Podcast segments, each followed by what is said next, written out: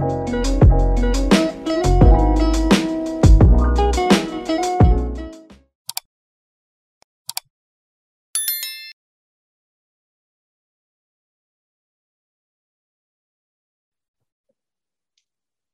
semuanya, selamat datang kembali di podcast Komika Baru bersama Gokta Wijaya. Ini benar-benar suasana yang baru banget.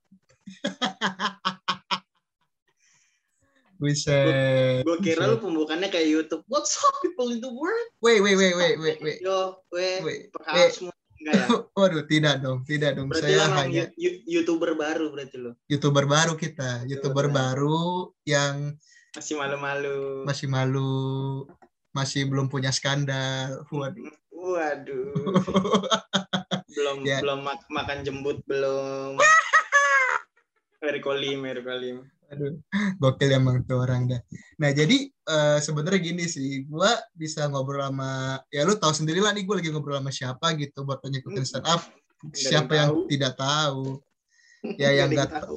ya minimal mantan BEM UIN lah, Ah enggak, gue bukan BEM Gue jurusan. mantan ketua BEM UIN maksud gua. Siapa tuh namanya tuh yang sering masuk TV tuh? Oh, ini Sultan Rifandi. Nah, itu Sultan Rifandi. Sahabat. Eh, humor-humor anak-anak kampus gua tuh, Bang, set ini. Banyak fansnya tuh di di cewek-cewek Iya. kampus gua tuh.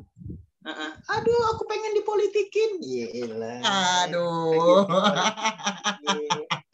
Pengen deh ngerasain birokrasinya. Iya Iya, elah. ya Allah. Ya Allah, ya Allah, ya Allah.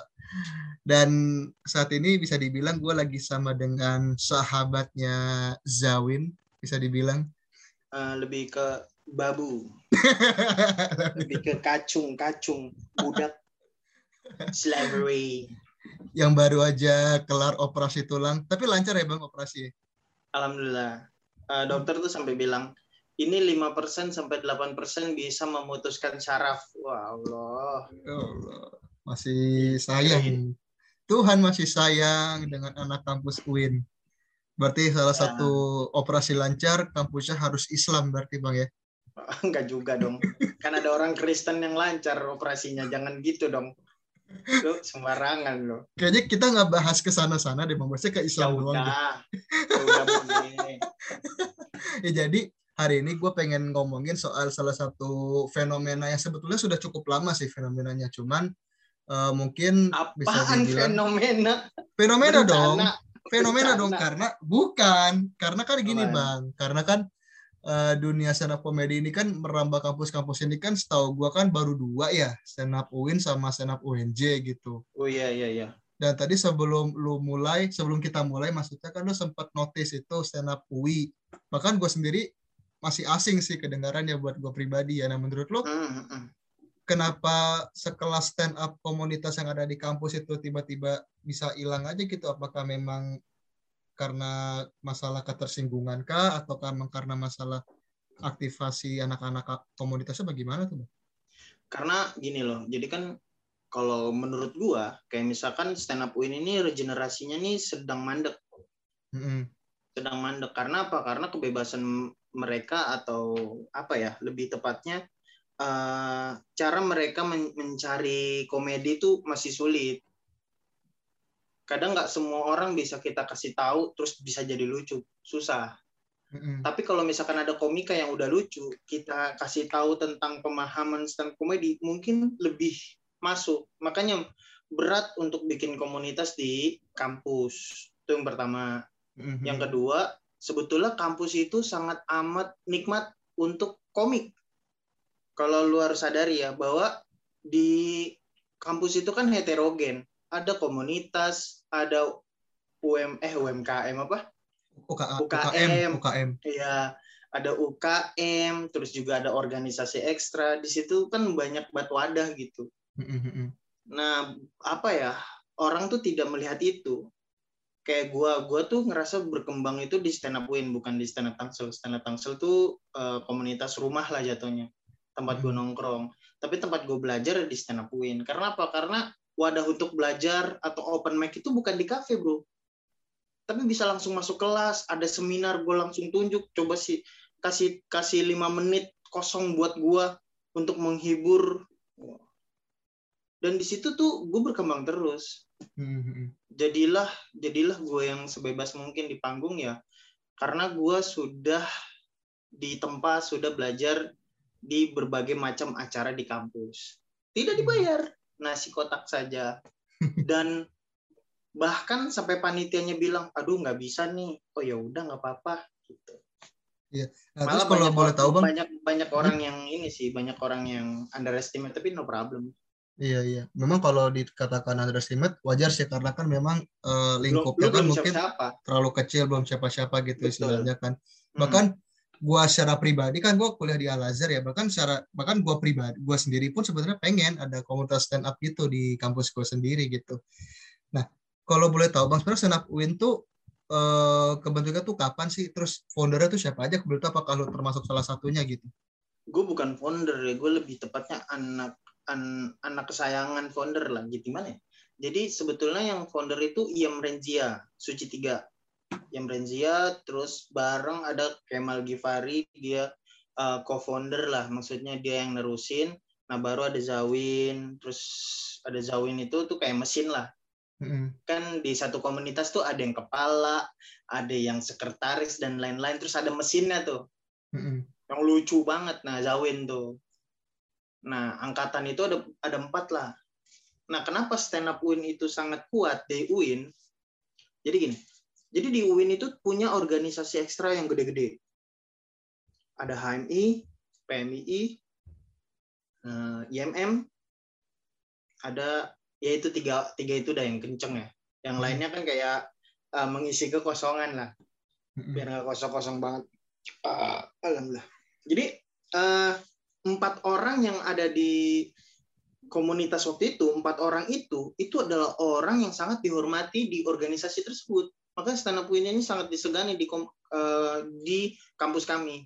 Kayak HMI itu ada Bedengdang. Walaupun lu nggak kenal, dia komik juga, belum masuk TV, tapi dia sangat disegani di HMI. Ada Kemal Givari, dia senior PMII, terus Zawinur Ikram dia senior besar Muhammadiyah IMM dan Iam Renzia itu ya abu-abu dan ternyata Iam Renzia itu juga apa namanya dihormati berbagai macam UKM UKM musik UKM seni ternyata Iam Renzia juga turut ikut andil sehingga komunitas kami disegani nah pertanyaan adalah gimana sih cara komunitas itu bisa uh, seperti stand up win misalkan. Ya coba gimana caranya agar stand up komunitas lu itu disegani.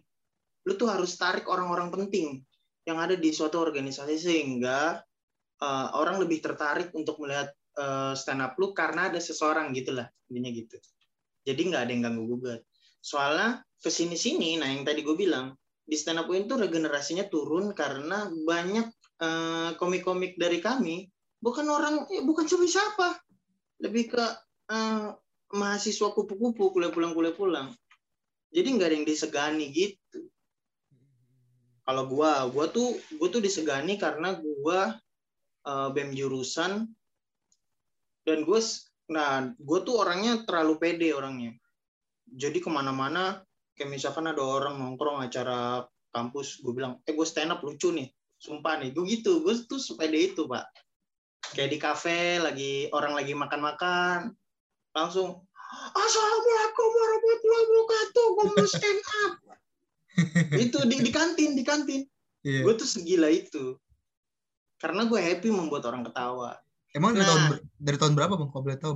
gue tuh di komunitas stand up win dari 2015 awal Oke. hmm, April Mei lah dan itu gue pede gue teriak terus sampai gue pernah stand up MC-nya bilang gini ya walaupun dia orang tidak kita begitu kenal eh, nanti kalau kurang lucu ketawa aja ya gue digituin senyumin aja Iya. hari itu gue pecah total sampai orang nangis-nangis ketawa. Terus gue bilang jangan dibiasain ya kalau apa namanya kalau lu belum kenal-kenal banget nggak usah underestimate lah. Gokil. kicep MC-nya. Gokil, gokil, tapi gue gokil. stand up dulu. Gue nggak gue nggak maki-maki MC-nya. Iya. karena MC-nya senior gue orang berani gue ya kalau tahu-tahu di sidang kan repot juga bapak ya. Makanya. Tadi gitu. Eh tapi kan uh, kampus junioritas kan bukan senioritas aduh iya kan juniornya kalau ada acara kan juniornya yang bang ini minta bang minta dipalakin junior paling gitu uh, yes. birokrasi komunitas itu yang penting lu disegani yang kedua lu pede aja anggap bahwa emang emang kampus lu adalah kampus lu jangan malu gitu jangan malu unjuk gigi bahwa lu tuh adalah orang yang lucu. Nah, gimana caranya? Nah, gue tuh berdua tuh di komunitas tuh, stand up win. Ada gue, ada Bahrul. Gue sama Bahrul itu kayak kayak Naruto sama Sasuke tuh. Dulu-duluan lah ribut kayak Sanji sama Zoro lah. Yeah. Pokoknya kuat-kuatan, nyari-nyari atensi paling gede. Nah, tapi kayak bang, gitu. Tapi bang, harus uh, ada orang hmm. harus ada orang yang harus ada orang yang mau kejar-kejaran kalau oh. mau gede komunitas begitu intinya. Nah, bicara soal pengen gede komunitasnya kan tapi kan kembali ke kembali lagi ke ini bang. Bisa uh, kadang kan untuk kampus yang benar-benar masih nol banget nih. Ya hmm. contoh lah kayak kampus gua gitu kan. Ya kampus gua role modelnya siapa sih? Paling Alif ya kan? Hmm, paling Alif, Alif juga gede di luar kan? iya itu pun Alif juga gede di luar gitu. Meskipun Enggak juga sih, gede, gede di keluarganya sih. Emang udah gede kan dari awal Oke lanjut lanjut lanjut. Iya.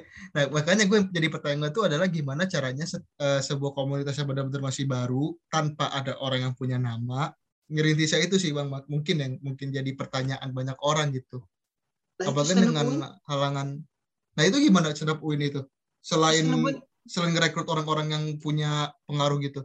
Oh enggak, maksudnya uh, lebih tepatnya sih diajak ngobrol lah yang orang berpengaruh. Enggak, kita enggak hmm. sebetulnya enggak ngajak karena memang orang-orang yang penting ini yang pengen masuk komunitas, bukan kita aja. Hmm, gitu. paham, paham, paham. Makanya eh, apa namanya kalau misalkan dibilang dari nol ya jalanin jalanin aja pak. Iya sih keren toh, sih itu. Toh lu kalau mau mau apa mau metik buah kan lu nanam pohonnya dulu gitu lah intinya gitu lah pelan pelan sih sebetulnya. Iya, iya. Komunitas stand up win juga terlihat bahwa komunitas ini adalah komunitas yang keren itu udah lama sampai empat tahun baru kelihatan gitu. Mm-hmm. Sampai yes. lu lulus mungkin, lu semester berapa? Akhir gua. Iya kan, sampai lu lulus mungkin, mungkin lu baru metiknya mungkin lu udah kerja gitu. Tapi tetap senior senior gua itu tidak lari, tidak meninggalkan kami. Pun gue juga lulus juga tetap gua gua ajak ngobrol dan apa gitu. Ya komunitas intinya lu cinta nongkrong sih sebetulnya. Gitu. Buat tongkrongan yang seru hmm? buat tongkrongan yang seru uh, pecinta stand up terus buat nongkrong yang seru udah itu komunitas udah pasti tebel dah. Udah pasti hormat respect gitu. Gokil gokil. gua ya. Gokil. Nah terus sih uh, kita apa namanya bahas yang lain nih bang. Jadi kan hmm. uh, eh, gue kan ikut uh, workshop tipis-tipis respect dari pecahkan lah dari Comika hmm. kan. Hmm. Nah kebetulan ini banyak banget nih pertanyaan titipan gitu. Eh waktu sorry ya pertanyaannya cuma dikit aja nih soal masalah apa soal stand up di komunitas kampus gitu. Nah jadi ini ada beberapa pertanyaan titipan dari teman-teman dari pecahkan uh, workshop pecahkan. Nih pertanyaan pertama dari lu nih bang. Ini uh, contoh kasusnya kalau lu tahu geprek mungkin lu tahu kali ya kasusnya siapa ya. geprek. Ayam Ridwan geprek. iya nah itu lanjut. hubungannya dengan itu. Karena gini apakah materi stand up zaman sekarang tidak boleh menghina orang lain? Contoh pada materinya bang Remin soal geprek dan janda. Janda apa? Ya, pokoknya gitulah bang. Itu hmm. gimana tuh bang? Ya sebetulnya kan gue nggak tahu ya, gue gue ngutip dari Bang Panji bahwa stand up itu diambil dari stand out, stand up Eh, ketika lu memegang opini, lu mau bercerita sesuatu, ada hal yang lu resahkan. Kalau menurut gue stand up tuh seperti itu. Jadi kalau hmm. misalkan menyinggung ya pasti menyinggung. Karena hmm. ketika lu melihat sesuatu dan aneh, lah itu kan kita gatel ya maksudnya. Iya. Daripada kita ngedumel, mending kasih tahu orang-orang ini lucu nih, aneh banget nih orang gitu.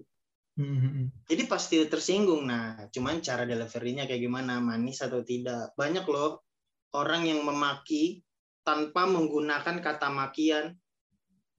paham lah ya sarkasme dan lain sebagainya ya sarkas satir gitu ah. nah terus yang kedua nih bang ini mungkin menjadi pertanyaan banyak orang sih termasuk gua gitu karena kan hmm. gua tahu lo tuh di suci tujuh kebetulan Hmm. nah ini pertanyaannya adalah berapa lama waktu seorang Jupri sejak mulai open mic pertama kali sampai masuk suci? Bon Mac pertama kali sampai nggak kira lo di suci. akhir tahun akhir tahun 14 terus akhir tahun 2014 masuk suci 2017 itu lo pecah pertamanya kapan bang? Apa pas lo open mic pertama langsung pecah bagaimana open mic pertama kedua itu ngebom sampai di sampai teman gue yang ngajak bilang gue malu bawa Jupri terus se- sebulan kemu eh, sebulan lagi gue nggak mau open mic gue belajar dulu. Jadi orang-orang kan belajar dulu baru open mic. Kalau gue open mic dulu baru belajar. Hmm. sampai teman gue bilang malu gue bawa Jupri gitu. Emang sengaja mungkin untuk meng- menghancurkan hati gue kali ya. Tapi dari situ dia ngajarin gue Hmm, hmm, hmm. gimana? Nggak enak kan ngebom? Nah gini caranya. Baru gue dikasih tahu setup punchline gila cuman gue doang kali. Cuma open mic nggak tahu setup punchline. Gue baru belajar setup punchline baru belajar gimana cara narik asumsi penonton dan dipatahkan dengan punchline. Gitu-gitu.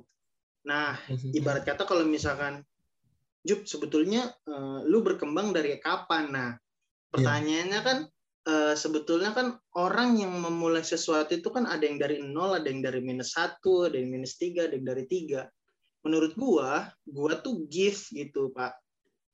Gua tuh ngerasa bahwa gua tuh sudah lucu sebelum stand up. Karena apa? Karena gua tuh adalah orang yang suka cerita di kelas waktu SMA gue yang sering ngata-ngatain guru gue yang sering ngatain orang gendut. Lu gatel nggak sih ngeliat cewek jelek giginya ompong lompat-lompat gitu?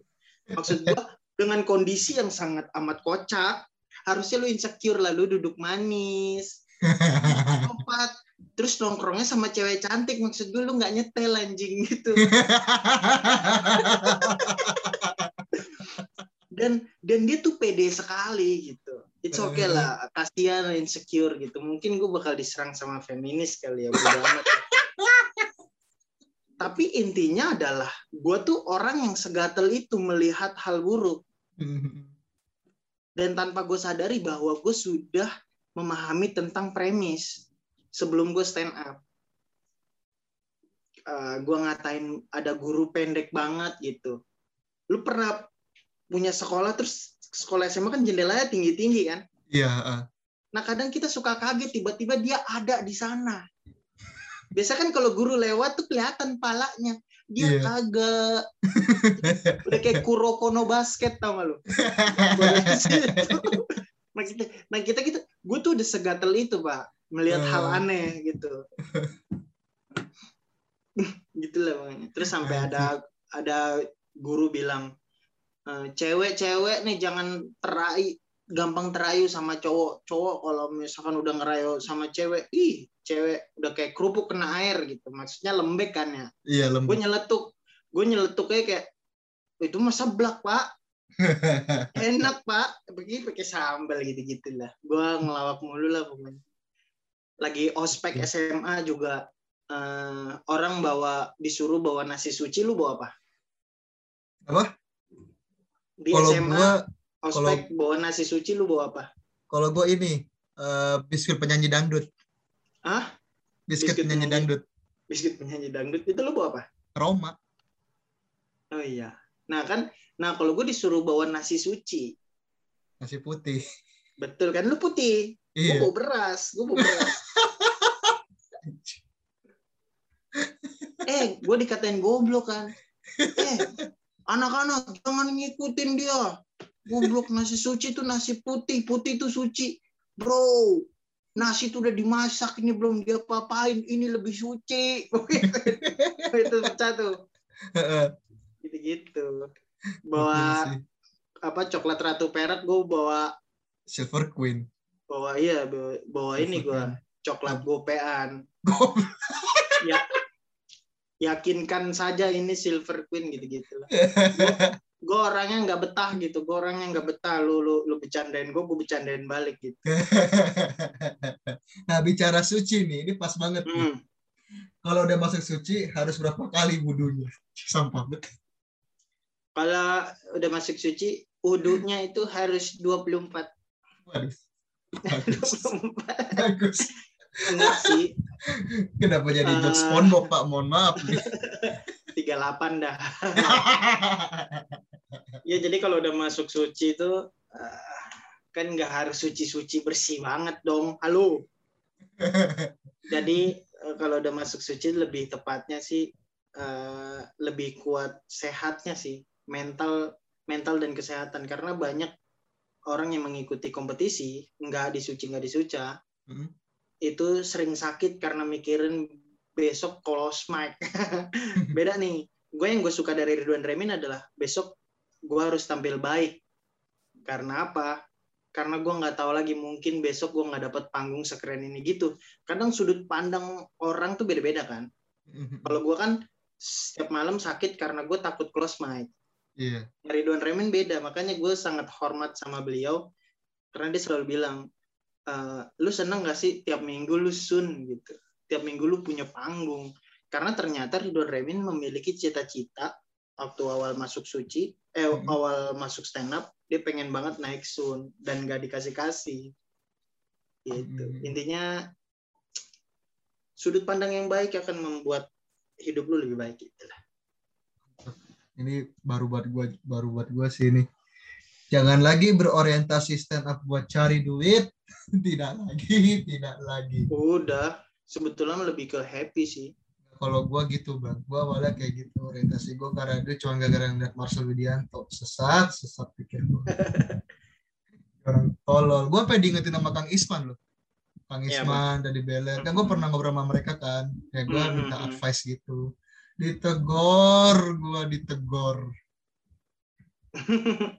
ya balik lagi sih orang tuh nggak mau miskin kan Iya memang, tapi orang nggak mau miskin orang nggak mau nggak mau duitnya sedikit cuman balik lagi kalau lu happy bikin orang ketawa iya Iya. itu jalan stand up lu kalau lu happy ngobrol depan hadapan orang banyak kalau lu orang narsis sekali ya itu jalan stand up lu Iya, iya. gitu Gila sih. Cara lo nemuin punchline gimana, Bang? Ini baru lagi pertanyaannya nih. Cara lo nemuin punchline tuh. nah gue tuh kenapa mungkin kenapa gue nggak diajak pecahkan kali ya karena gue tuh nggak nggak ngerti apa yang sudah gue lakukan paham gak sih lu gue tidak bisa gue tidak menjelaskan apa yang sudah gue lakukan karena apa karena karena balik lagi I think this is this is a gift Ini. from the God to me Hmm. gitu Heeh, Eh, lucu tuh kayak ya udah Iya. udah dikasih ke gue gitu.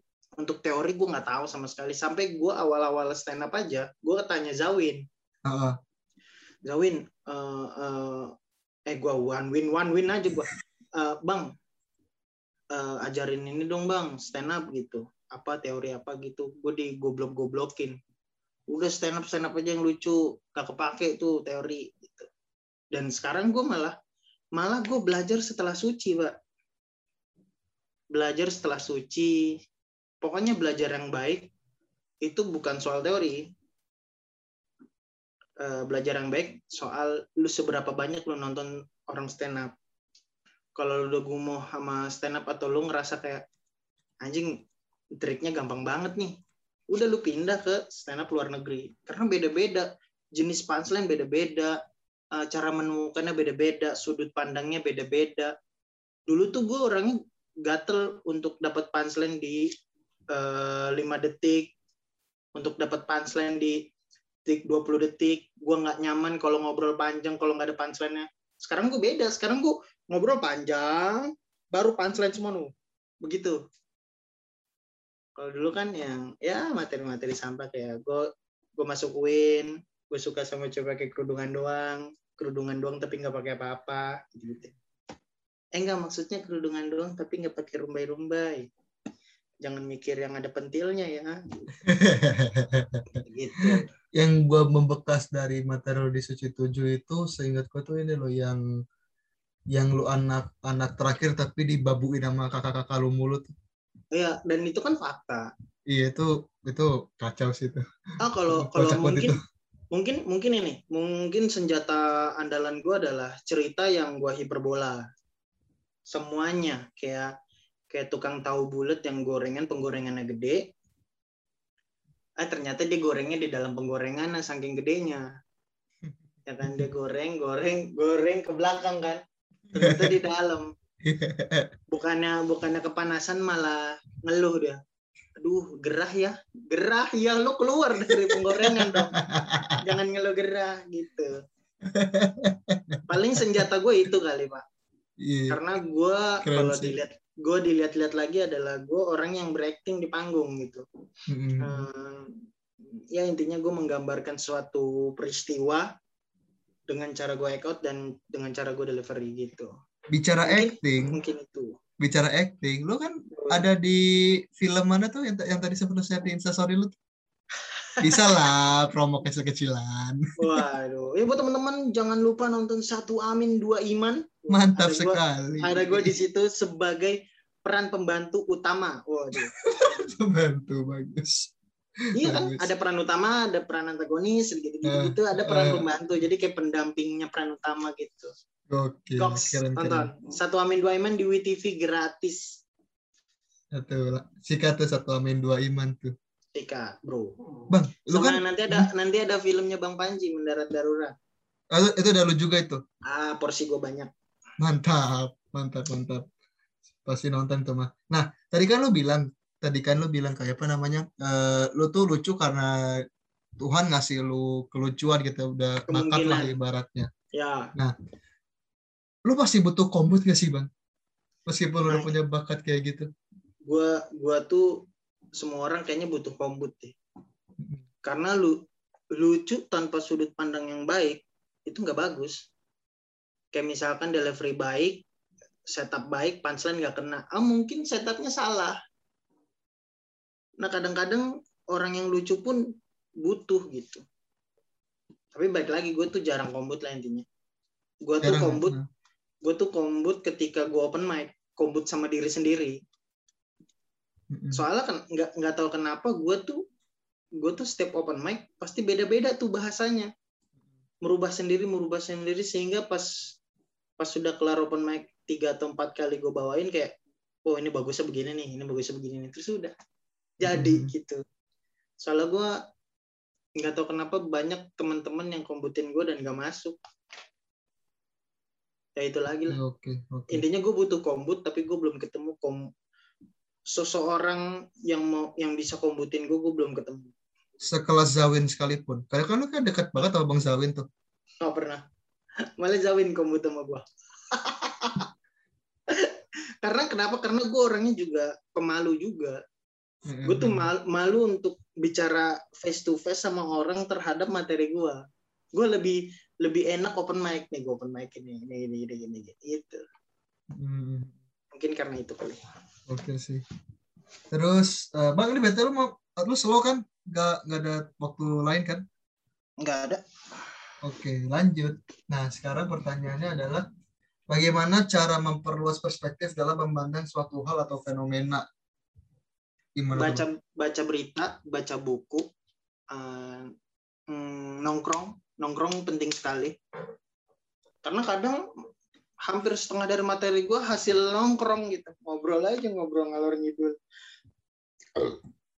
Tapi jangan ngobrol sama temen yang mabuk. Kadang tolol, tolol. Makanya gue kalau gue seneng ngajak orang ngopi itu gara-gara kadang-kadang kan apa yang kita lihat tuh eh apa yang orang lain lihat tuh kita tidak melihatnya? Hmm. sehingga kita butuh penglihatan itu untuk membangun materi kita agar lebih baik maka dari itu kita butuh nongkrong nah gue selalu bilangin ke teman-teman anak komunitas lo kalau memang mau lucu ya nongkrong terus gitu nanti Nah. solid kok lama kelamaan Kalau sorry bang, kan gua kan jarang nongkrong ya. Mungkin gak cuma Ah. gua banyak gitu. Komik-komik introvert gitu. Itu Mungkin, cara mungkin. cara naikin sense humornya gimana bang? Bahkan kalau nggak punya bakat Nonton. gitu kan. nonton nonton nonton Nonton nonton, ya? sebanyak banyaknya kayaknya ya Mm, mm, mm. Oh iya, baik lagi. Gue tuh nggak bisa memberitahu eh, hal yang bisa mengembangkan seseorang. jadi kayak introvert gue kurang tahu tapi kalau misalkan orang-orang yang setipe gue kudu nongkrong kudu baca buku kudu nonton nggak tahu Indra Firmawan mungkin tahu mungkin akan dijelaskan oleh Indra Firmawan Oke, kalau lo oke. dapet kesempatan ya Eh, semoga. gue sih berharap gitu ya, Amin. karena kan karena sebetulnya gini sih bang, podcast komika baru tuh tepatnya adalah sebuah podcast di mana ya gue bukan cuman ngobrol sama eh, eh, komika yang udah punya nama kayak lu atau kayak Kang Isma atau Bang Duto Triaji dan lain, tapi juga ada komik-komik yang baru baru mau masuk ke stand up, ada masih belajar juga gitu sih tujuan dari adanya ya buat podcast buat ini. ya. teman-teman yang pengen banget eh, ikut komunitas udah lah nggak usah ngapain sih lo ngambil tapak gua aja jauh Lapangan pekerja kayak semakin sempit ya semenjak pandemi ya. tapi enggak lah gue ngerasa bahwa udah gue gue gue punya ruang spesial untuk dunia stand up jadi Mantap. ah tapi ini eh, Apa tuh? ada komika yang memang baru enam bulan open mic terus masuk suci juga ada Mm-mm. ada yang setahun masuk suci ada yang tiga bulan sudah masuk suca iseng-iseng masuk suca eh juara ada Arafa Rianti Wow. ya Arafa tuh um, gift mungkin gift dari Tuhan. Terus Mm. juga Romi Hakim Romi Hakim tuh baru open mic baru enam bulan masuk suci. Ngalahin Arya lagi. Arya tuh keluar di dua minggu dua. dia Hmm. dia minggu ketiga. Keren lah. Maksudnya bukan gue ngerasa tinggi tapi dia tuh udah mulai baru mulai saja sudah masuk suci itu gue hormat banget gitu. Dan gitu. Nah, terus sebelum kerja di Alfamart, waduh. Bang Jupri udah sering open mic belum? Ya, itu tadi. siapa sih? itu jauh sekali jauh banget nih gue kan gue mulai ngebanyol tuh SMA karena SMP tuh gue introvert eh gue pergi ke SMA itu eh, guna dapat teman jadi teman gue gue kan jelek borokan gitu hitam dekil parah lah gue wah parah. Alien dah bentukannya gue nah ye. Nah terus temen gue bilang Jup lu kalau misalkan emang mau punya teman banyak nantinya di SMA gue kasih tahu ada tiga hal. Yang bikin orang mau temenan sama lu tuh lu ganteng kaya lucu. Ganteng sudah pasti tidak kaya sudah pasti tidak karena bapak saya kuliah bangunan. Hmm. yang kedua yang ketiga doang tuh lucu. Nah baru gue berusaha keras untuk melucu itu di temen gue tuh yang nyuruh gue bawa beras kalau disuruh bawa nasi suci. Dia tuh ibarat kata yang ngombutin gue lah. Ngombutin gue nah baru gue mulai ngebanyol terus ngebanyol terus gue berkembang kan. Dulu tuh di kelas gue cuman pas gue nyeletuk tuh di gitu. Minggu-minggu Hmm. awal. Ngebom mungkin open mic ngebom. Nah minggu minggu minggu akhir sampai gue kelas 3 gue lucu banget tuh. Nah habis itu gue mau gue mau daftar di Monbusho Dubes Jepang kan. Gue pengen buat kuliah ke Jepang nggak dapet. Yaudah gue nunggu tahun depan gue kerja di Alfa nah itu tuh tadi. Kerja di Alfa setahun. Nah gue sekalian tuh gue SBMPTN ngejar ITB ngejar UIN sama Dubes Jepang. Nggak dapet tuh Dubes Jepang sama ITB makanya masuk UIN udah alhamdulillah Gue malah baru tahu lo kerja di Alfamart anjir. Berarti cukup radikal lama lu ya rupanya ya. terima kasih banyak nah baru baru eh, setahun gue kuliah baru gue mulai open mic jadi jen- ibarat kata gue belajar sebelum open mic tuh jauh sekali dengan nyeletuk gue dengan cerita gue gitu begitulah sih. pokoknya Oke sih. Kalau ngebom pas stand up apa yang sudah dilakukan? Eh, Oh. Apakah kalau ngebom pas stand up kita sudah dibilang sebagai teroris? karena ngebom kali ya gue kalau misalkan ngera pas ngebom di open mic open mic apa stand up nih Ini sih stand up sih ngomongnya sih. gue gua gue jarang sekali ngebom ngebom di stand up yang ada di TV mungkin ya gue ngebom kalau ngebom banget kayak uh keringetan aja gitu Kayaknya Terus sekalinya lu ngebom close mic deh bang. Ah iya betul. Iya kan? ya, ya tapi gue tidak sekosong itu gitu. Iya sih. maksud gue tetap tetap jalan aja. Karena menurut gue kalau mau ngebom ya lanjut aja. Pokoknya lu bertanggung jawab untuk show itu. Kalau ngebom lanjut aja nggak usah ae ae aduh sorry sorry. Eh matiin mic-nya eh matiin kameranya. Nggak usah. Ya intinya gua jadi jadi ingat peserta suci season baru kemarin ya. hijau kate ya intinya intinya eh, kalau udah udah ngebom ya udah itu kesalahan lu betul. Hmm. jangan pernah nyalahin penonton. Mungkin banyak orang yang bilang aduh penontonnya nggak asik. Enggak. Kalau lu komika profesional di mana pun medannya kalau lucu ya lucu aja gitu. Jangan nyalahin Hmm. penonton. Nah kalau misalkan udah nggak lucu ya udah selesaikan. Kalau disuruh stand up 30 menit 30 menit lu ngebom nggak apa-apa keringetan tuh. Kadang detak jantung berhenti 5 menit nggak apa-apa terus terus lanjut gitu kalau ngebom ya lanjut aja intinya bertanggung jawab atas perintahnya perintahnya Perintah kayak firman Tuhan aja, Bang. Bang. Hmm, makanya Sorry nih kalau gue terkesan so asik nih. Eh, slow eh, slow siap, saya siap. juga saya juga so asik Waduh.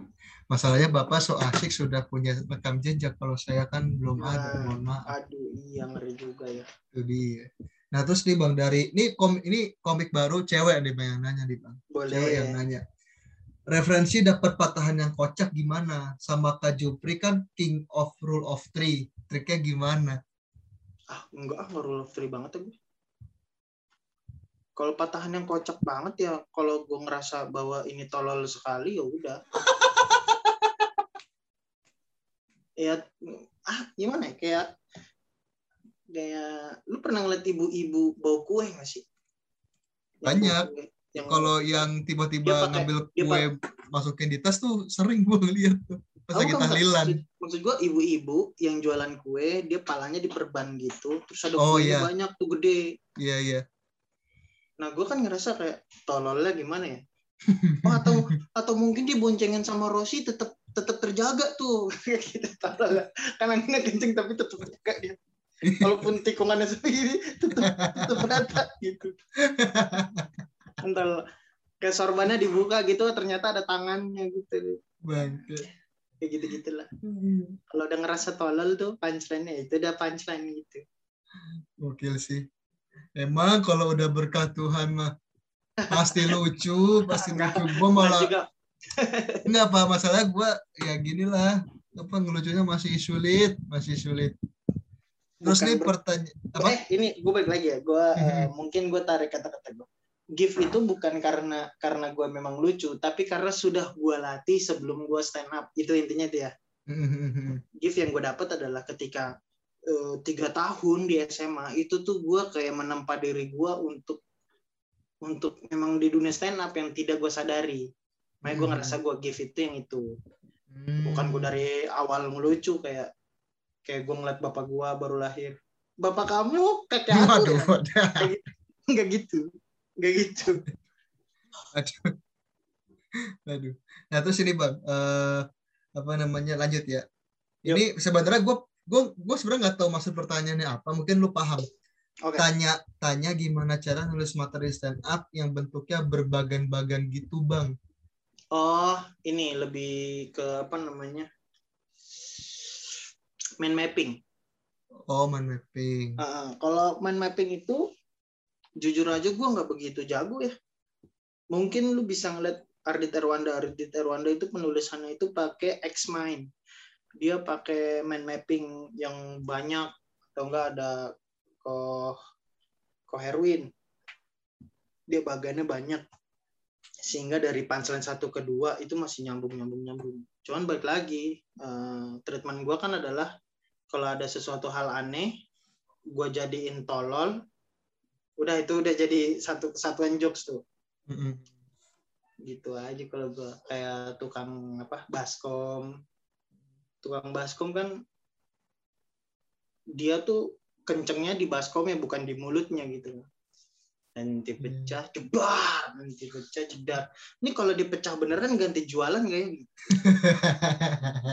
ternyata di kantongnya ada chargeran gitu. Jadi pas pecah jedar dibuang. Charger HP Hmm. charger tapi tetap diadu. Nah, terus ini bang, apa namanya? Ini pertanyaan terakhir ya dari anak-anak ya. Ini sebenarnya Hmm. pertanyaan ini mungkin eh, mungkin lo udah pernah dengar pertanyaan kayak gini ya. Kurang Iya. lebih pertanyaannya tuh adalah sebagai seorang stand up komedian, ketika materi kita sama premisnya dengan komika lain, sah sah saja atau gimana Bang Juk? Karena kan ya kemarin kan sempat heboh ya Bang soal kasus Vicky yang nyuri beatnya Bang Ridwan Remin soal Oke oke. Oke, Bang. mandi wajib tuh. Itu gimana tuh? Oke. Kalau premis sama, it's okay ya. Hmm. Karena ibu-ibu belok kiri sen kanan itu kan adalah premis rame-rame. Ada cewek minta turunin aku sekarang pas diturunin ngamuk-ngamuk itu premis rame-rame. Kalau dibawain premis yang sama tidak apa-apa. Tapi kalau misalkan udah set up sampai punchline sama, itu namanya plagiarisme dong. Dan itu yang nggak halal. Makanya stand up komedian itu lebih sedikit daripada penyanyi karena apa? Karena penyanyi itu boleh cover, Pak. Stand up nggak boleh sama sekali Mm-mm. bahkan komunitas tuh jeli sekali kalau misalkan ada komik yang mat- pakai materi komik lain udah kelihatan tuh. Karena deliverynya kan tolol kan. Orang-orang yang plagiat tuh tolol. Pengen pengen sama tapi beda gitu. Tapi Iya. kita tahu itu, itu imitating. Terus kalau ditegur itu materi orang kan enggak punya gue ih kontol. Malah ngeles gitu Iya, iya. tapi gue per tapi gue pernah punya materi mirip sama bang Lolo. Itu bener-bener gue kaget dan gue gue awalnya menyalahkan. Wah ini materi gue dicuri nih. Enggak sebetulnya enggak. Sudut pandangnya aja yang berbeda. Kalau gue kan ada materi cewek kalau bersin di tempat umum kan ecih gitu. Kalau tem- kalau misalnya tempat sih wow boy gitu Bang Lolo gitu. Kalau pacaran baru pertama kali ada ba- batuknya imut tuh. Uhu batuk. Pas sudah pacaran oh, oh, oh, oh. kamu kenapa saya ngilang? Batuk lah bangsat. Gitu kan. gitu. Kan mirip kan? Iya, iya. ya walaupun masih ter- walaupun kalau dilihat tidak mirip tetap gue ngerasa bahwa kalau misalkan orang sudah membawakan yang sama maka tanggung jawab gue untuk mencari yang lain atau membiarkan saja berlalu. Begitu.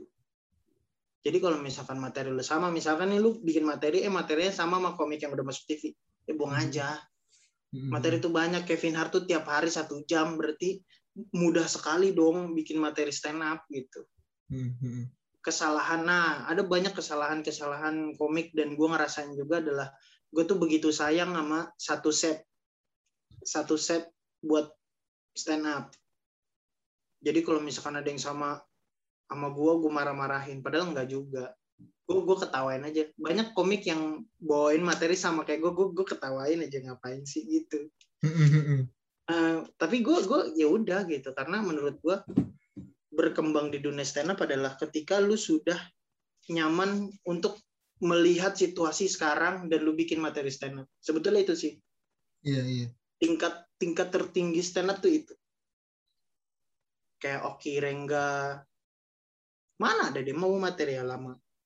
Materi-materi yang keke keke itu kasihan dia lagi makan pentol biarin aja makan pentol. Ada lo komentar bilang keke nggak makan anak ayam.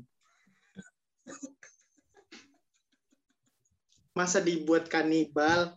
Keke keke juga tuh no- normal loh. Keke normal loh. Mm-mm. kita tahu keke kan begitu ya ngerinya dia mukbang anak ayam kan. Siap siap siap nih ya guys ya. Nih ya guys ya. Kan ngeri. Makanya komika yang gue suka saat ini tuh ya bang Panji eh, terus Oki Rengga Ridwan Iya. Remin. Ridwan Remin tuh up to date juga. Walaupun gue ngerasa bahwa materinya tuh mungkin nggak setajam dulu tapi tuh up to date gitu materinya enak kalau kita denger tuh kayak relate aja sama uh, keadaan sekarang gitu. Mm-mm. intinya gitu. Gokil sih. Nih, kalau sama nggak apa-apa lah. Nggak jadi masalah ya premis sama ya. Dan nggak apa-apa. ini benar-benar apa namanya gue sangat berterima kasih sih Bang Jup karena eh, alhamdulillah setelah sekian lama episode podcast gue nambah lagi. Setelah sekian lama nambah lagi. Emang sebelumnya siapa aja eh kalau eh, apa kalau total sih sekarang yang gue ingat ya ada Bang Asap Suwaji ada Duto Triaji Bang Duto uh, terus ada bang siapa namanya? Ada bang ada kang ada kang Isman ada bang siapa lagi? Gue lupa lagi. Uh, ada Alif bang Alif maksud gue karena kan gue kaget apa sih Alif tuh rupanya tuh satu kampus sama gue gue baru tau pas dia ngomong di Suci lah junior kampus gue ini. Kaget hmm. banget gue tuh Terus, Alright. Iya makanya ya intinya gue makasih banget lah udah luangin waktu malam-malam kayak gini dan cepat sembuh lah buat tulangnya. Amin. Amin amin. Semoga tetap melucui di mana pun itu dan tetap ada di podcast Comika. Comika mah gue ada terus gue. Udah tiga kali. Ya kan sekarang lagi jarang kan karena tulang. Iya, iya sih. Alright lah. ya makanya. Alright. Dan teman-teman jangan lupa untuk beli digital downloadnya Bang Jupri di Slow Eye ya kan. Comika.com slash selayakan. Oke. Ini sumpah ya, gue saking lamanya udah gak, gak, gak podcast kayak gini, gue lupa cara closing yang bener kayak gimana. Bang, Udah matiin aja rekaman ribet banget lu. tentang politik tentang wait, politik wait, harus tanda tangan dari sini dari wait, sini. Wait, jangan di sini dong ngomongnya dong. Ini di record dong. Sampai jumpa di podcast kamu kabar selanjutnya dan sampai jumpa. Haha.